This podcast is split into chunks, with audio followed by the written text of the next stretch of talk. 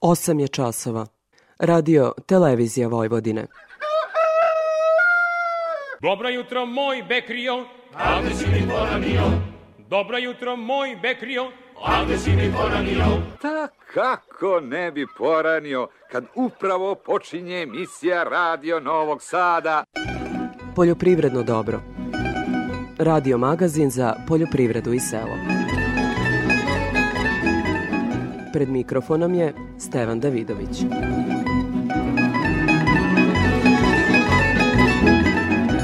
Dobro jutro. Uljana repica je posejana u optimalnom roku, a zahvaljujući zadovoljavajućim padavinama u tom periodu, usev dobro napreduje. Treba podsjetiti da je ona sve perspektivnija, jer kao ozima kultura izbegava letnje vreline, a i cenovno se dobro kotira.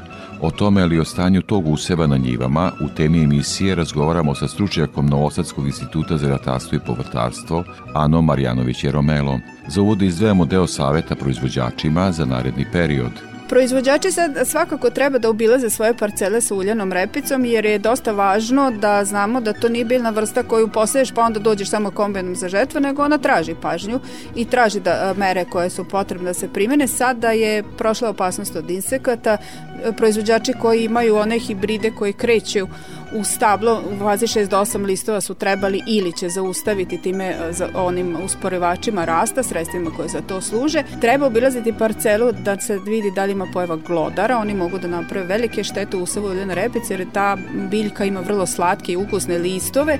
Magla i loša vidljivost neradko su uzrok saobraćenih nesreća. Zato je u vreme poljskih radova neophodan dodatan oprez kod upotrebe poljoprivredne mehanizacije – Ona mora pre svega biti propisano osvetljena i bez blata na pneumaticima. O tome takođe govorimo u nastavku emisije. Kada se govori o životu sela, nezaobilazna tema je i proizvodnja rakije.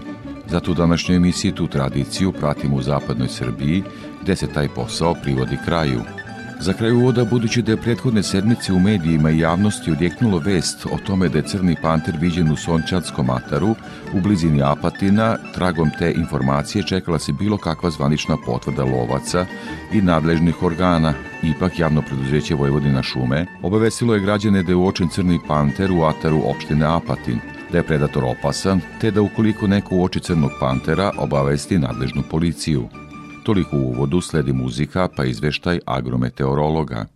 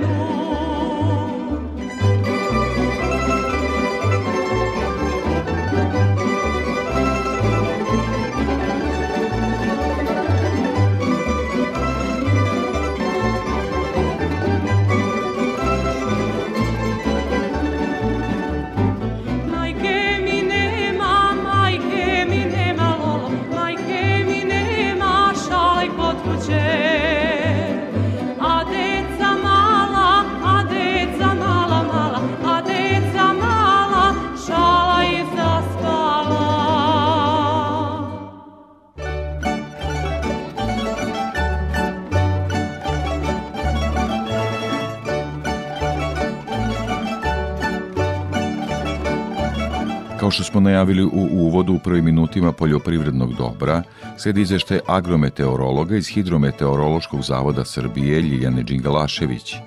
Proteklu sedmicu karakterisalo je i dalje toplije vreme od uobičajenog za ovo doba godine i uglavnom suvo. U jutarnjim časovima bilo je česte pojave magle koja se ponegde zadržavala i duže tokom prepodneva.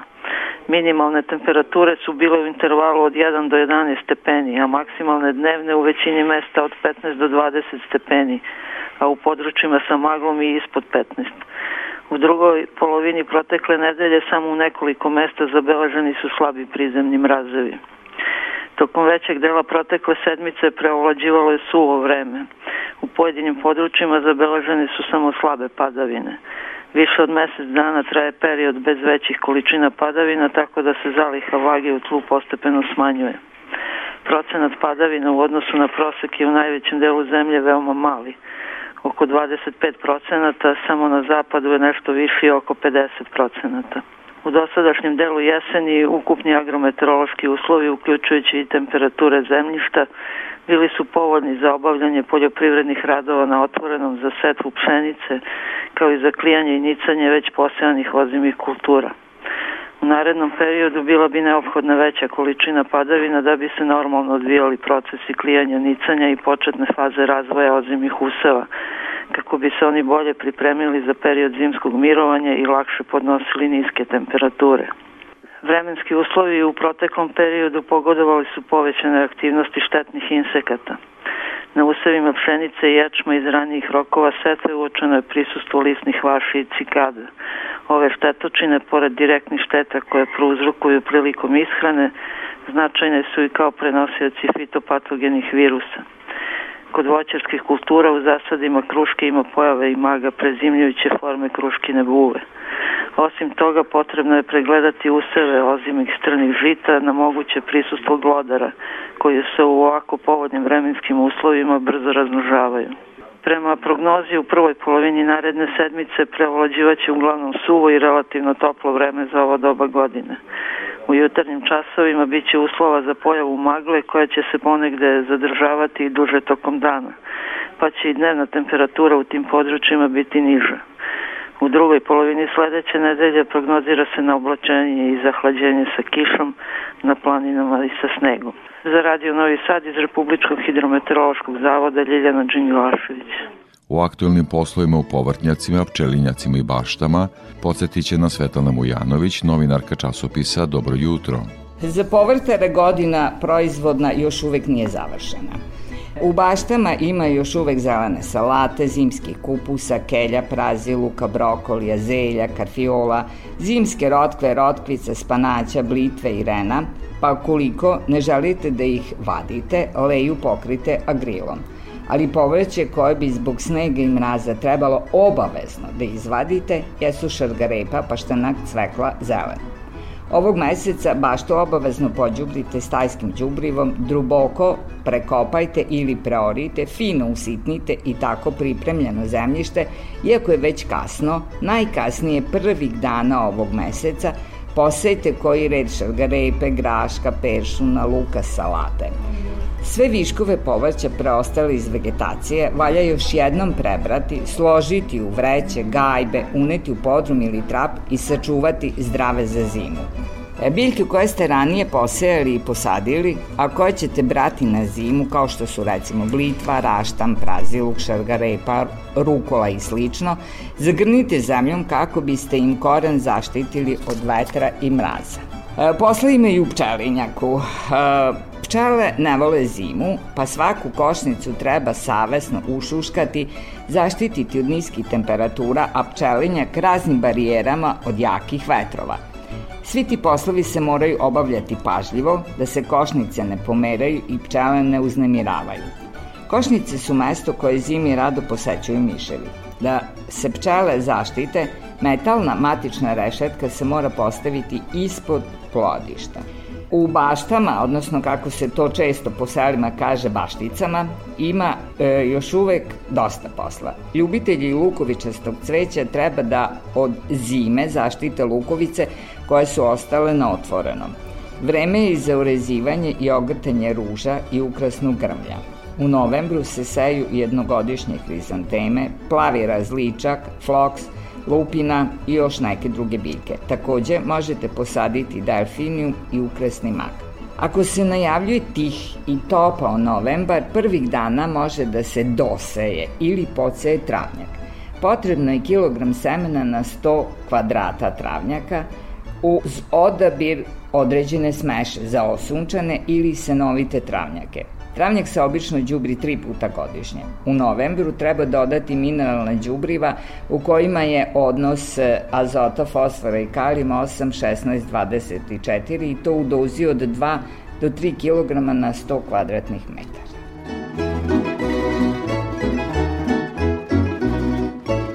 Prelazimo na zaštitu bilja. Iz prognoz izvještene službe javlja se stručnjak u toj oblasti Boško Jezerkić. Usevi pšenice i ječma se u zavisnosti od rokova setve nalaze u fazi od razvijena dva lista do početka bokorenja. Usevi ozimog ječma iz najranijih rokova setve nalaze se u fazama početka bokorenja i na tim usevima uočeno je prisutu simptoma bolesti, odnosno mrežaste pegavosti ječma u visokom intenzitetu. Na pojedinim parcelama prisutu navedenog patogena uočeno na čak 90% biljaka. Ovako visok procena zaraženih biljaka je pored rane setve posljedica povoljnih meteoroloških uslova za razvoj patogena u proteklom periodu, setva nedeklarisanog semena, pošto se ovaj patogen prenosi semenom, pojava samoniklih useva strnih žita koji utiču na prisutu infektivnog potencijala u polju i e, neadekvatan. Za očekivati da će jedan deo listne mase biti uništen usled zaraze listova, a s obzirom da su ječmovi iz ranih rokova sete bujni, ne očekuju se velike gubici u prinosu, te se hemijske mere zaštite ne preporučuju. Treba nastaviti s praćenje zdravstvenog stanja ovih useva, a u proleće je moguće da će ranije postojati potreba za primjenom fungicida nego kod drugih useva. I dalje je aktualna jesenja zaštita voćnjaka. U zavisnosti od voćne vrste, bike se nalaze u fazi od početka obojavanja lišća do 90% opalog lišća. Jesenji tretman bakarnim preparatima preporučuje se kada opadne 60 do 70% lisne mase.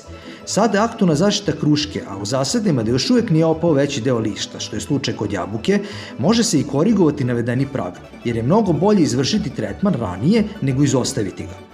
U ovoj vegetaciji pregledima jabučastog voća uočena je pristup bakterioza i to bakteriozne plomenjače jabučastog voća kao i bakterioznog izumiranja voća. Ove bolesti su veoma destruktivne, te je stoga sprovođenje ovog tretmana veoma važno kako bi se smanjio njihov infektivni potencijal, ali i potencijal drugih patogena u voćnjaku u narednoj godini. Sve aktualne informacije zaštite bilja možete pogledati na našem portalu www.pisvojvodina.com iz prognoze izveštene službe Boško Jezerikić.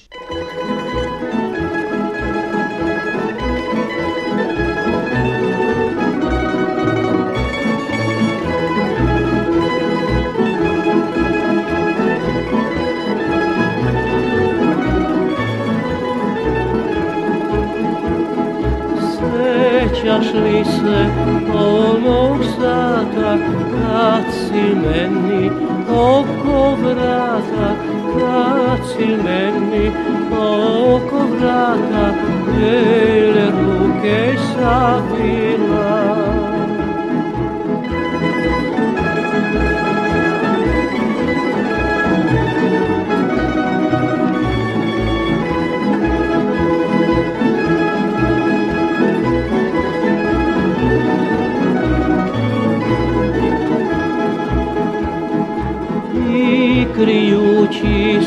svoje lice, meni skoro ne hotice, meni skoro ne hotice, tajnu ljubav otkrila.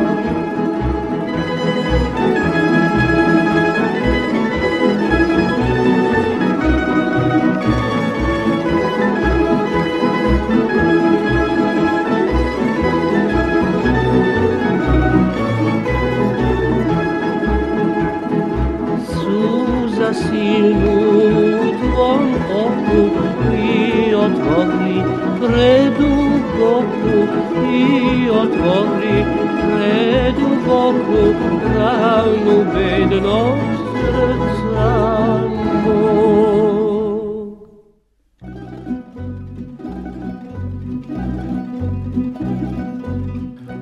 trgovanju na Nosadskoj produktnoj berzi izveštava Anja Jakšić. U skraćenoj radnoj nedelji na robno-berzanskom tržištu beleži se negativan cenovni trend i na tržištu žitarica i na tržištu uljarica. Početak nedelje doneo je smanjenu tražnju, a veću ponudu na svim tržištima. Na stranim tržištima beleži se pad cena nakon objavljivanja USDA izveštaja, što se odrazilo na uzdržanost kupaca na domaćem tržištu. Preko produktne berze ukupno je prometovano 3970 tona robe, čija finansijska vrednost je dostigla 171 milion 976 950 dinara. U odnosu na prethodnu nedelju promet je manji za 4,2 Na tržištu kukuruza beleži se manja aktivnost u odnosu na prethodnu nedelju. Najviše se trgovalo kukuruzom sa povišenom vlagom, te su ugovori zaključeni u cenovnom rasponu od 34 do 34 dinara 80 para po kilogramu bez PDV-a. Početkom nedelje ponuda kukuruza sa produženim lagerom do kraja februara naišla je na odgovor kupaca po ceni od 36 dinara 10 para po kilogramu bez PDV-a. Kako je nedelja odmicala, na ovom tržištu je tražnja bivala sve manja. Ponude veštački sušenog kukuruza u cenovnom rasponu od 35 do 36 dinara po kilogramu bez PDV-a nisu pronašle svog kupca. Učesnici na tržištu bili su najaktivniji kada je u pitanju pšenica. Ovom žitaricom količinski se najviše trgovalo u prethodnim danima. Od početka nedelje prisutna je veća ponuda u odnosu na tražnju. Iako je i dalje najaktuelnija pšenica sa proteinom 11,5 do 12 u ponudi se našla i pšenica sa većim sadržajem proteina. Na strani tražnje ipak je najviše upita i dalje za pšenicu sa proteinom 11,5 do 12 Ovom žitaricom trgovalo se u cenovnom rasponu od 39 dinara 20 para do 39 dinara 50 para po kilogramu bez PDV-a. Nedeljni ponder iznosi 39 dinara 35 para po kilogramu, što je pad za 1,33% u odnosu na prethodnu nedelju. Na tržištu soje beleži se negativno cenovno kretanje. Od početka nedelje primetno je manje interesovanje kako kupaca, tako i prodavaca. Cena ove uljarice je na najnižem nivou od jula. Ukoliko uporedimo sa prethodnom godinom, u ovom periodu takođe je bio prisutan negativan cenovni trend. Sojom rod 2022. godine trgovalo se po jedinstvenoj ceni od 74 dinara po kilogramu bez PDV-a uz obračun kvaliteta, što je ujedno i ponder cena. U odnosu na prethodni upoređujući podatak, cena je niža za 5,40%. Ugovor za stočni ječam srps kvaliteta zaključen je po ceni od 34 dinara 90 para po kilogramu bez PDV-a. Ove nedelje zabeležena je i veća ponuda đubriva. Iako je ponuda bila povećana, zaključen je samo jedan ugovor za rusku ureu, pakovanje 600 kroz 1 po ceni od 95 dinara 1 para po kilogramu bez PDV-a. Suncokretovom sačmom sa 33% proteina trgovalo se po ceni od 35 dinara 20 para po kilogramu bez PDV-a. Sa produktne berze Anja Jakšić.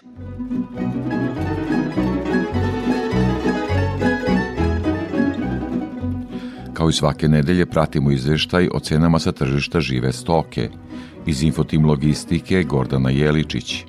U toku ove nedelje naši saradnici su tovne svinje sa farme oglašavali po ceni od 240 do 260 dinara po kilogramu, tovljanike sa mini farme po ceni od 240 do 245 dinara po kilogramu, a tovljenike iz otkupa po ceni od 230 do 231 dinar po kilogramu. Tokom cele nedelje beležili smo dogovore za tovljenike sa farme na cenu 240 dinara po kilogramu. Na kraju nedelje ponuđači su nudili farmsku robu i na jače cene, nadajući se i boljim cenama u narednoj nedelji. Ponuda jagnjadi oglašena je po ceni od 320 do 370 dinara po kilogramu, a ovce za klanje su nuđene po ceni od 155 do 170 dinara po kilogramu. Slaba je operativnost robe na terenu, pa ponuđači pokušavaju sa jačim cenama u oglasima kad su jagnjad u pitanja u oči praznika koji nam dolaze. U toku nedelje prasaca farme su se oglašavala po ceni od 360 do 380 dinara po kilogramu, prasaca mini farme po ceni od 350 do 360 dinara po kilogramu, a prasad iz otkupa po ceni od 335 do 350 dinara po kilogramu. Ovako širok raspon cena u oglasima je zbog toga što ponuđači pokušavaju da prasad oglašavaju na jače cene. U ovoj nedelji imali smo dogovor za prasad iz otkupa po ceni od 335 dinara po kilogramu. Ponude bikova Holštajna oglašena je po ceni od 300 do 335 dinara po kilogramu, a bikova simentalaca po ceni od 326 do 360 dinara po kilogramu. Trenutna situacija oko junadi je stabilna, bez nekih većih cenovnih pomeranja. Cene su izražene bez PDV-a. Za Radio Novi Sad, Gordana Jeličić iz Infotim Logistike.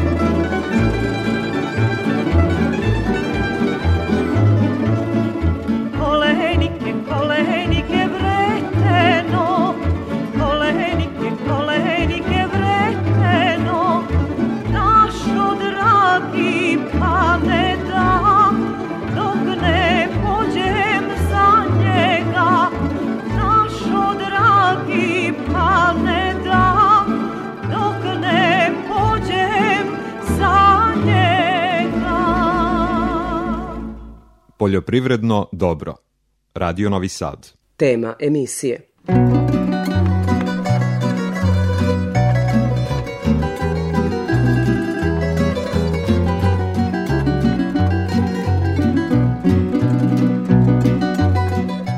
Uljana repica je posejana u optimalnom roku, a zahvaljujući zadovoljavajućim padovinama u tom periodu, usev dobro napreduje.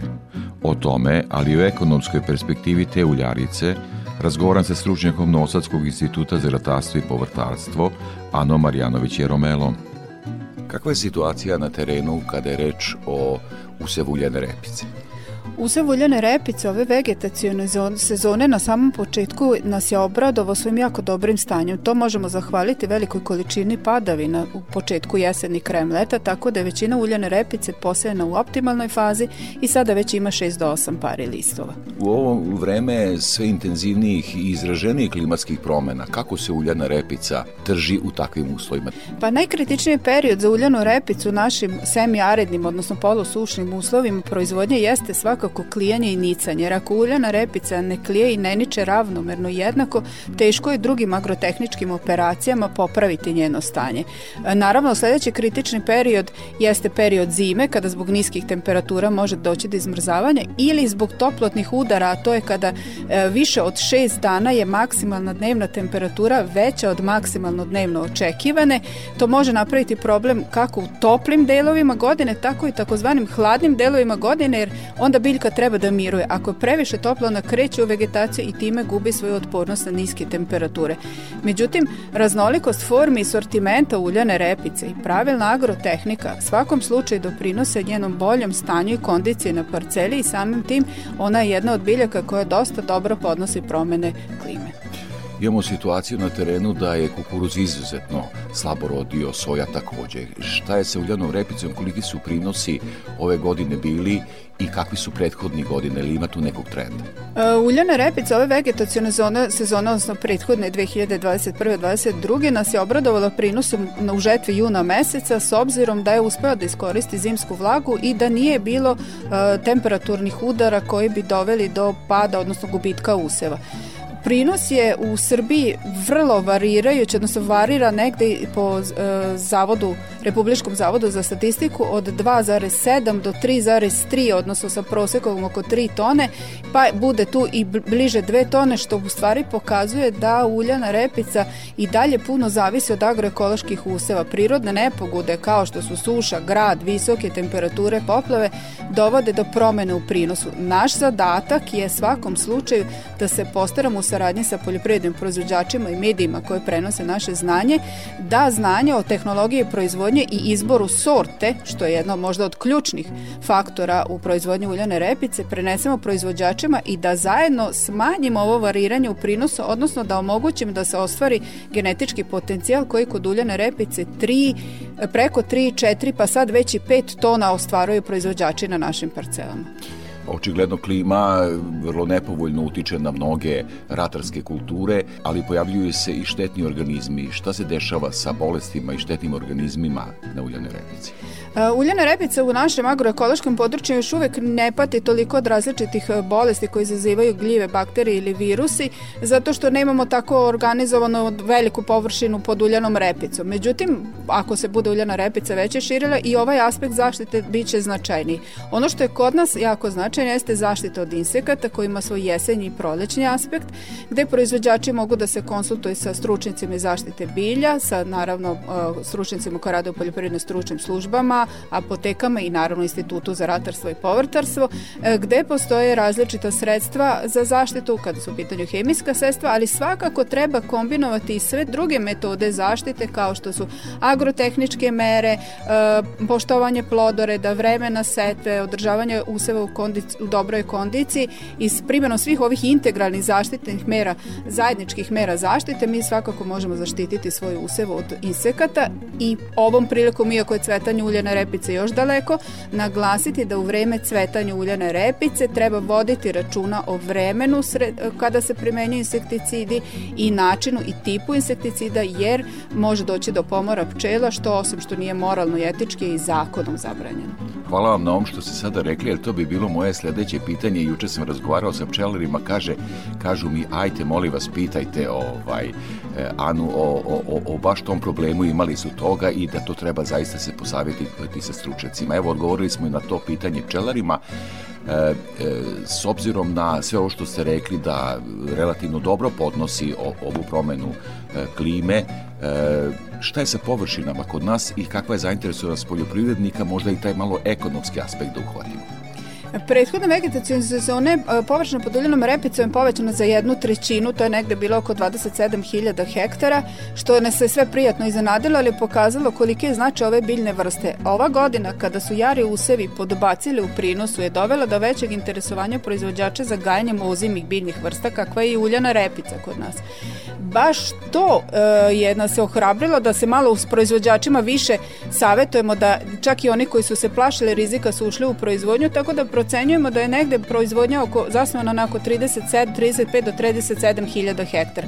Pravo stanje naravno znaćemo nakon izlaska zime kad budemo videli šta je od useva prezimilo i kako je posejano, ali beleži se e, porast pod površinama, porast prinosa, porast proizvodnje, možemo to zahvaliti između ostalog ne samo što je dobro poznata tehnologija proizvodnje i bogat sortiment, već i tome što je ovo biljna vrsta koja donosi prvi prihod proizvođačima, što je po pravilu već duži niz godina relativno stabilna cena koja omogućava da proizvođač može da uloži taj novac u narednu proizvodnju, što ona ostavlja zemljište u dobrom i fizičkom i, i vodnom e, stanju i što se rano skida s parcele tako da i onaj naknadni usev što je najčešće strno žito, se se na vreme, u dobrom stanju, u dobroj parceli i ostvaruje veći prinos. To je isto jedan prihod koji treba dodati u proizvodnju uljanoj repice, tako da proizvođači sigurno ne bez razloga, jer danas svaki dinar ima svoje mesto i dobro vode računa o tome, se od, sve više odlučuje za proizvodnju i uljane repice. Moram to primetiti, evo i možda da zajedno konstatujemo,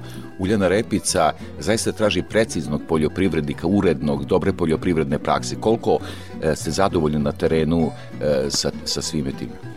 Pa da, to je bilj, uljana repica svakako uh, biljna vrsta profesionalaca, tu nema amaterizma kada je proizvodnja uljane repice u pitanje, treba se držati onog što je za naše agroekološke uslove preporučeno. Proizvođači se vrlo edukuju, prate emisije, prate stručna savjetovanja, obraćaju se stručnjacima, pitaju sve što im nije jasno, primenjuju nova nevo tehnologija i inovacije u poljoprivrednoj proizvodnji, sve su izraženije, tako da bi zaista pohvalila proizvođači i vidna je napredak što vidimo svake godine po povećanju prosečnog prinosa, odnosno proizvodnje i samim tim što su proizvođači sve više zainteresovani govore da se tu zaista vrlo profesionalno pristupa ovoj proizvodnji. I trenutak je možda da napravimo korak dalje uloga Instituta za ratarstvo i povrtarstvo. Naime, ova ratarska kultura je pogodna i za ona zemljišta gde druge kulture ne uspevaju u tom svetlu i u svetlu sve e, teže energetske situacije u svetu. Koliko je ova kultura e, pogodna za svaku ekonomiju? Baš to što je uljana repica predmet mnogih naučnih istraživačkih inovativnih projekata pokazuje da je e, ona ima ogroman potencijal.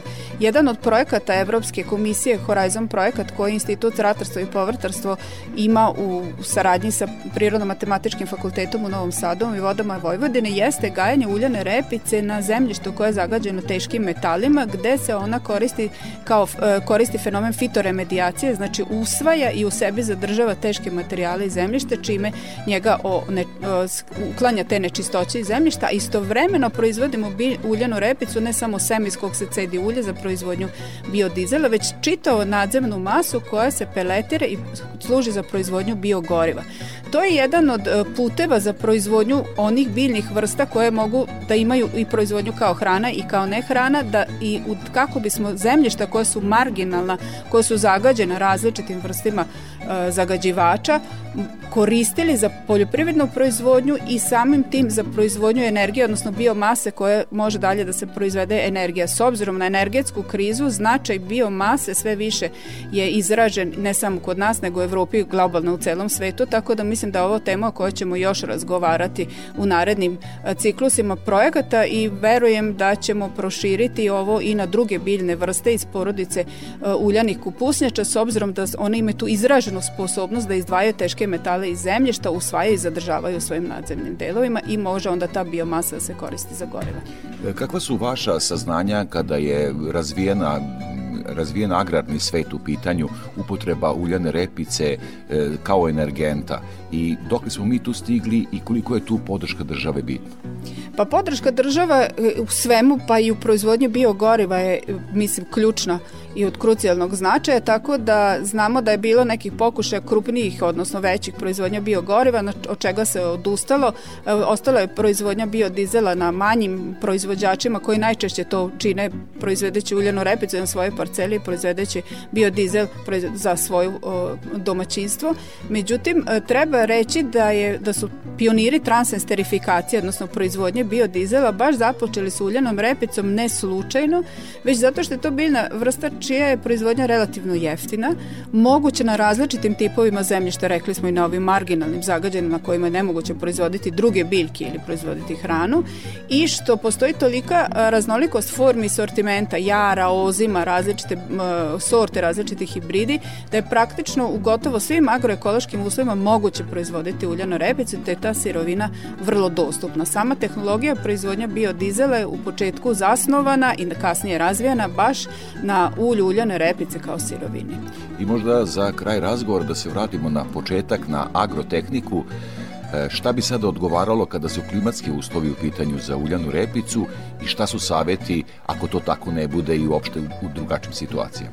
Pa proizvođači sad svakako treba da obilaze svoje parcele sa uljanom repicom jer je dosta važno da znamo da to nije biljna vrsta koju poseješ pa onda dođeš samo kombinom za žetvu, nego ona traži pažnju i traži da mere koje su potrebne da se primene. Sada je prošla opasnost od insekata, proizvođači koji imaju one hibride koji kreću u stablo u fazi 6 do 8 listova su trebali ili će zaustaviti time e, za onim usporivačima rasta, sredstvima koje za to služe.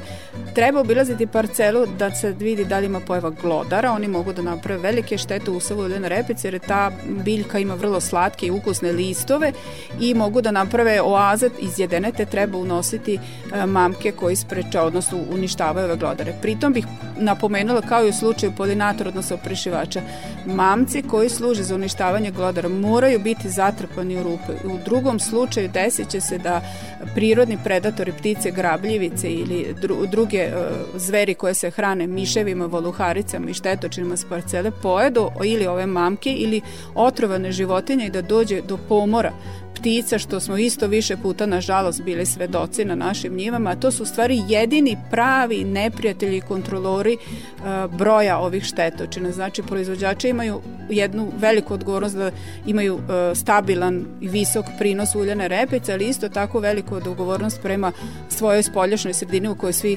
zajedno živimo. Nakon toga će biti uh, sa izlaskom iz zime, đubrenje na osnovu analize zemljišta, prihranom azotom. Možda i nije sada loše da već unapred kažemo da proizvođači obavezno urade analizu kako bi na osnovu iznošenja, na osnovu sadržaja u, bilj, u biljci iznošenja iz zemljišta predviđenog prinosa izvršili prihranu. Znamo da je azotno đubrivo sada izuzetno skupo, a s druge strane azot je nosilac prinosa. Prez adekvatne prihrane azotom teško ćemo ostvariti visoke prinose. Na proizvođačima je da naprave optimum u tehnologiji proizvodnje, na nama je da ih savetujemo. Nama su isto jako važne informacije koje dobijemo iz, od o, naših proizvođača. Vrlo često su to poruke telefonom, na različitim društvenim mrežama, Viber, Whatsapp, gde oni šalju snimke sa parcele, pa se zajedno savetujemo i odlučujemo šta je najbolje primeniti u ovom momentu na parceli. Stručnjak Novosadskog instituta za ratarstvo i povrtarstvo, instituta od nacionalnog značaja, Ana Marjanović i Romela, veliko hvala za ovaj razgovor i učešću u programu Radio Novog Sada. Hvala, bilo mi je zadovoljstvo i pozdravila bih sve naše proizvođače uljane repice. Nadam se da se uskoro čujemo i vidimo na našim parcelama.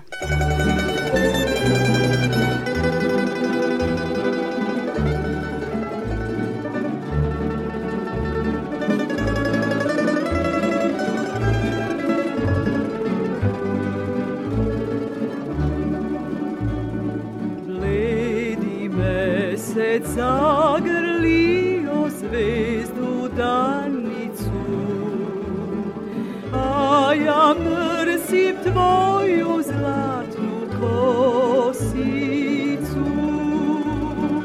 Samo reci mi da me ljubiš ti, da živimo ko svi srećni presrećni.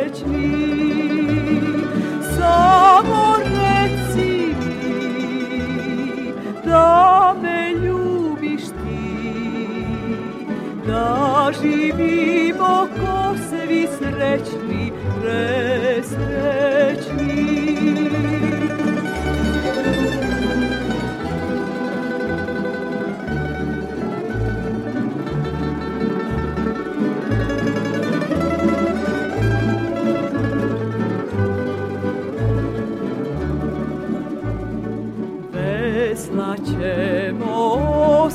Biti ne trebaju nam. Mi ćemo se zagrliti, čun će plovit sam. On će naći put, sam će ploviti, nosit će ga morski valom.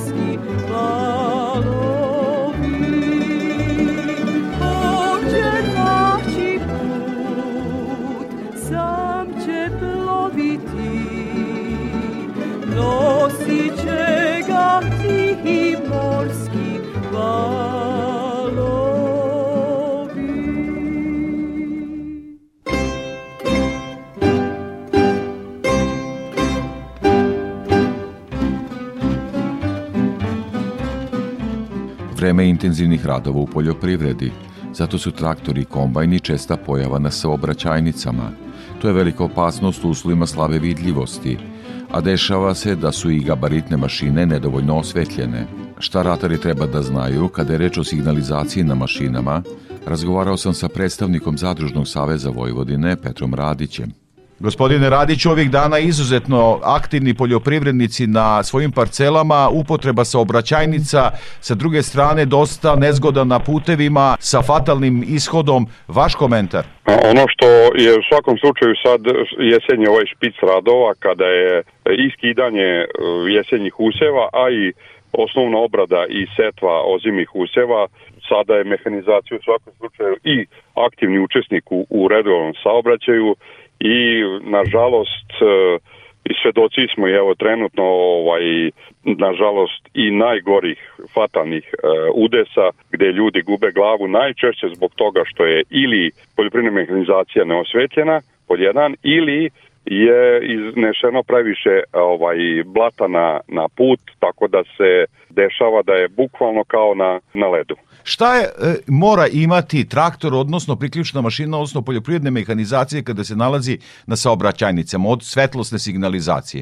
Znači, što se tiče svetlosne signalizacije, traktor mora imati, pogotovo na javnom putu, znači uključenu žuto rotacijno svetlo i ispravno i ispravna svetla, odnosno signalizaciju na samom traktoru, ali imajte u vidu da često mehanizacija u uslovima u kojima radi, gde su otežani uslovi, gde prolazi ispod nekog drveća, slomi se, isključi se, tu je previše vibracija, znači dođe do gubljenja kontakta i da li rotacija ili svetla ili čak u nekim trenucima i sve nestane, pa se onda koriste mobilne lampe ili telefoni da se koliko toliko ovaj mehanizacija vidi, mašina se mora prebaciti sa mesta A na mesto B i to najčešće javnim putevima. Šta je sa e, kombajnima i tim velikim gabaritnim mašinama, header i ostalo? Da li se i to mora osvetliti, ili to može biti 5-6 metara široko? Tako je, sad kad je header u pitanju, kombajn mora da otkači header i prebaci ga na prikolicu i tako kao prikolicu uče, a prikolica na kraju ima svoja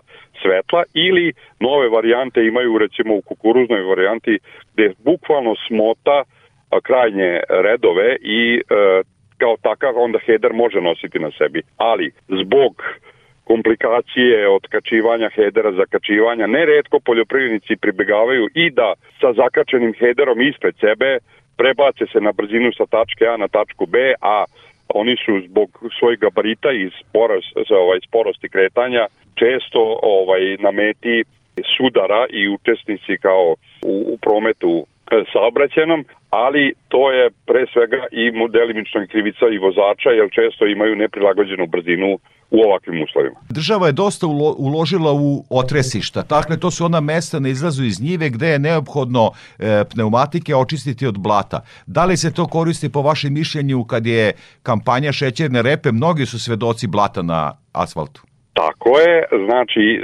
delimično, delimično znači to je e, takva priča jer činjenica da je puno toga uloženo što se tiče kad su u pitanju otresišta, ali isto tako još uvek postoje putevi koji izlaze na, na, na tvrd put koji nemaju ovaj rešeno pitanje otresišta i onda je na rukovodcu poljoprivredne mehanizacije da sa nekom špaklom, starim nožem očisti to blato i ne iznese ga na put. Nažalost, ovaj, pogotovo kad ste rekli kad je u pitanju repa i prizmiranje repe i sve, tu često bude dosta blata i čak i vatrogasci sa šmrkovima ne mogu da ga da ga skinu sa, sa javne saobraćajnice, ali najčešće se onda i dodatnim saobraćajnim znacima takva mesta obeleže gde se posebno ovaj opasnost od rotacije i sletanja vozila sa puta.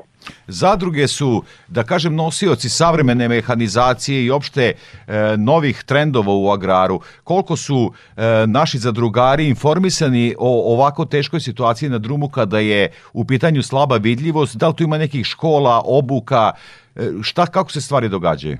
O, pa odmah da vam kažem, znači naše zadruge, pogotovo sad u ovom zimskom periodu, za svoje zadrugare, zaposlene ovaj, i kooperante često organizuju zimske škole gde sa upravom saobraćene policije, neredko i sa agencijom za, za saobraćaj iz Beograda, imaju akcije gde se baš daje ovaj akcenat na, na sigurnost u, u, u, ovaj, u saobraćaju da morate biti osvetljeni, da su vam ispravne kočnice i da vam je ispravna signalizacija, ali nikad dovoljno no, edukacije i eto, i pored svega toga mi vidimo da se s vremena na vreme dešavaju problemi.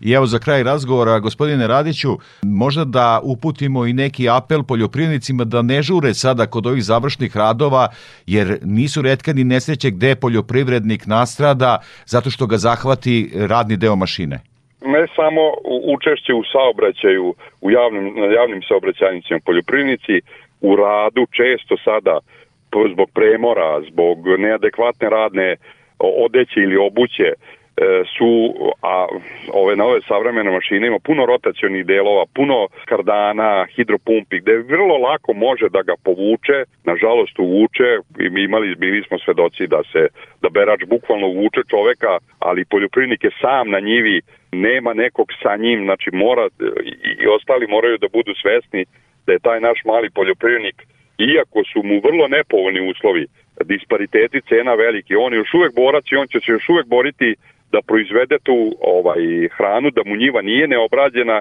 i da naše stanovništvo nema problem sa gladi, a ja mislim da to treba i ceniti. Petar Radić, Zadružni savez Vojvodine, velike hvala za ovaj razgovor i učešće u programu Radio Novog Sada. Hvala i vama i pozdrav vašim slušalcima.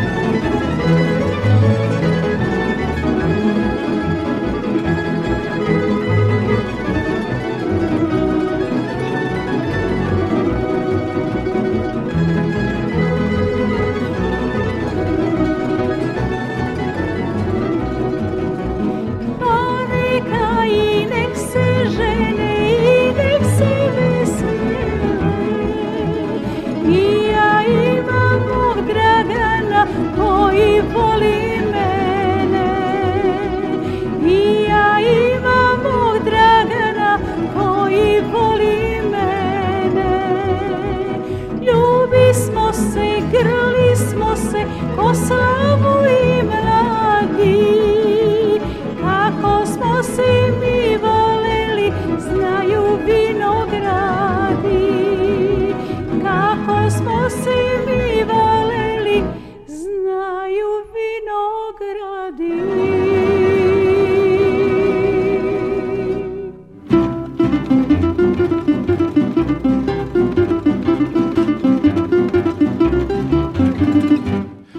zapadnoj Srbiji privodi se kraju proizvodnja rakije. Iz lampeka, koji srpski domaćini sa pravom nazivaju vesele mašine, ovih dana istače se najbolja domaća šljivovica, koja se proizvodi od starih sorti ove voćke koja je najzastupljenija na našim prostorima i koja se bez obzira na cenu domaćini ne odriču. Izveštava Katarina Radulović. Tradicionalno domaćini Rudničko-Takovskog kraja čuvenu šljivovicu proizvode od čačanske rodne sorte stvorene u Institutu za voćarstvo davne 1975. godine, ukrštanjem Stenleja i Požegače. I danas upravo ova sorta šljive dominira u zasadima širom Šumadije. Šljivici Novakovića iz Gornjomilanovačkog kraja dobro su rodili, a sve što nije prva klasa ovih dana završit će u kazanima za pečenje rakije. Za Radio Novi Sad govore Srđan Novaković i Milorad Novaković, proizvođači rakije. Ovo je šljiva Čačanka rodna, dobro je rodila ove godine imalo je preko 2000 kila i imamo tu još jedno dva dana do tri prepeka i to je to. Biće do sledeće sedmice, biće gotovo. Pečemo, 40 kazana smo ispekli do sad, sutra radimo prepek, ide do 22 litra, da nismo posolili ne bi ni išlo ni toliko, nego smo morali malo da posolimo, ovaj, jer je pološa šljiva bila, pola je opalo, tako da imaće od, od 15-16 kazana imaće jedno 150-200 kila ljuti. Da kvalitet rakije pre svega zavisi i od izbora sorte šljive, tvrdi Mladen Jovašević iz Čačanskog sela Prijevor, koji više od 6000 stabala čuvene sorte ranke uzgaja na 15 hektara. Za radio Novi Sad govori Mladen Jovašević. Zasad je crvena ranka derosavka koja naravno ne može sama da opstane, tu su njeni verne sluge, oprašivači, okruglica, dragačevka. Zahvaljujući pre svega sortama, rakija proizvedena sa našeg podneblja jedna je od najkvalitetnijih u svetu, tvrdi Jovašević. Naša rakija nema razloga da ne stoji rame uz rame na svim svetskim policima i u svim svetskim barovima i hotelima. Da je čačanska rodna po kvalitetu najbliža starim autohtonim sortama slažu se i stručnjaci, a od starih sorti najzastupljenija je crvena ranka. Za Radio Novi Sad govori Nebojša Milošević, viši naučni saradnik Čačanskog instituta za voćarstvo. Prema nekim podacima kojima mi raspolažemo, stare autohtone sorte šljive u ukupnom sortimentu su zastupljene s nekih 30 do 40%. U tom procentu crvena ranka je jedna od najzastupljenijih, tako da se pretpostavlja da je njeno prisustvo veliko. Iako uglavnom taj, taj podatak se odnosi na stare zasade, uglavnom koji, koji su manje, više, manje ili više zapušteni ili nisu toliko produktivni. Ono što je bitno reći jeste da su da se interesovanje za, pre svega za ovom sortom posljednjih nekoliko godina jako povećalo. To se pre svega odnosi na to da je ova sorta e, izuzetna sirovina za proizvodnju vrhunskih rakija šljivovica, tako da uvođenjem reda u tu proizvodnju i popularizacijom rakije šljivovice e, potražnja za ovom sortom e, je, se povećava iz godine u godinu. Za one koji se odluče za crvenu ranku, struka podsjeća proizvođače da ova sorta mora imati oprašivače, a da će u skorijoj budućnosti sadnice biti proizvedene u ovoj naučnoj ustanovi. Za Radio Novi Sad, Katarina Radulović.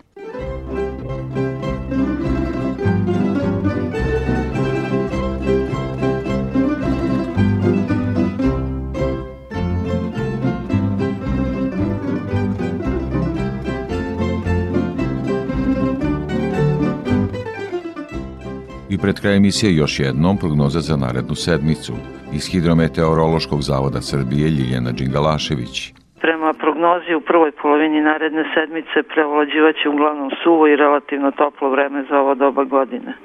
U jutarnjim časovima biće uslova za pojavu magle koja će se ponegde zadržavati i duže tokom dana, pa će i dnevna temperatura u tim područjima biti niža. U drugoj polovini sledeće nedelje prognozira se na oblačenje i zahlađenje sa kišom na planinama i sa snegom.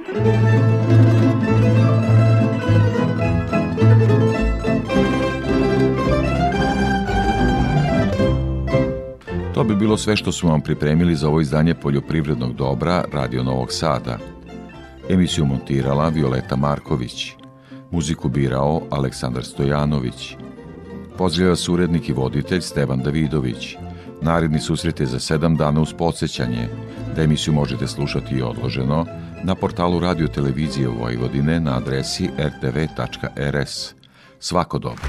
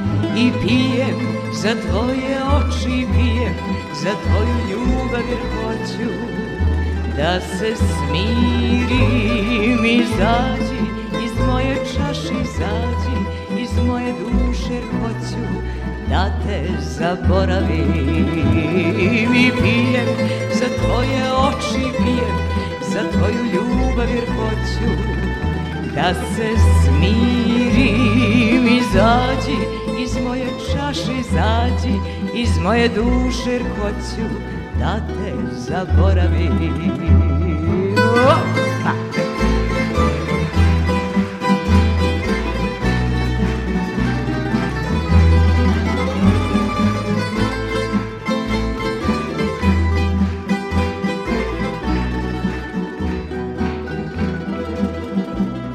polako noć prolazi.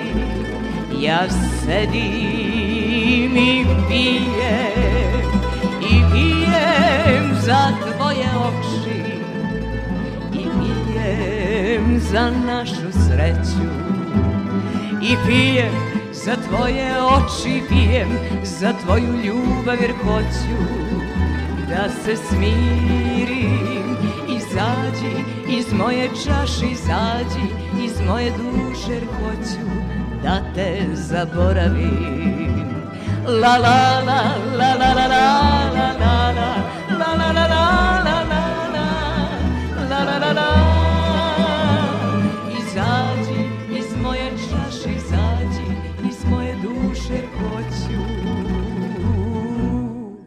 da te zaboravi.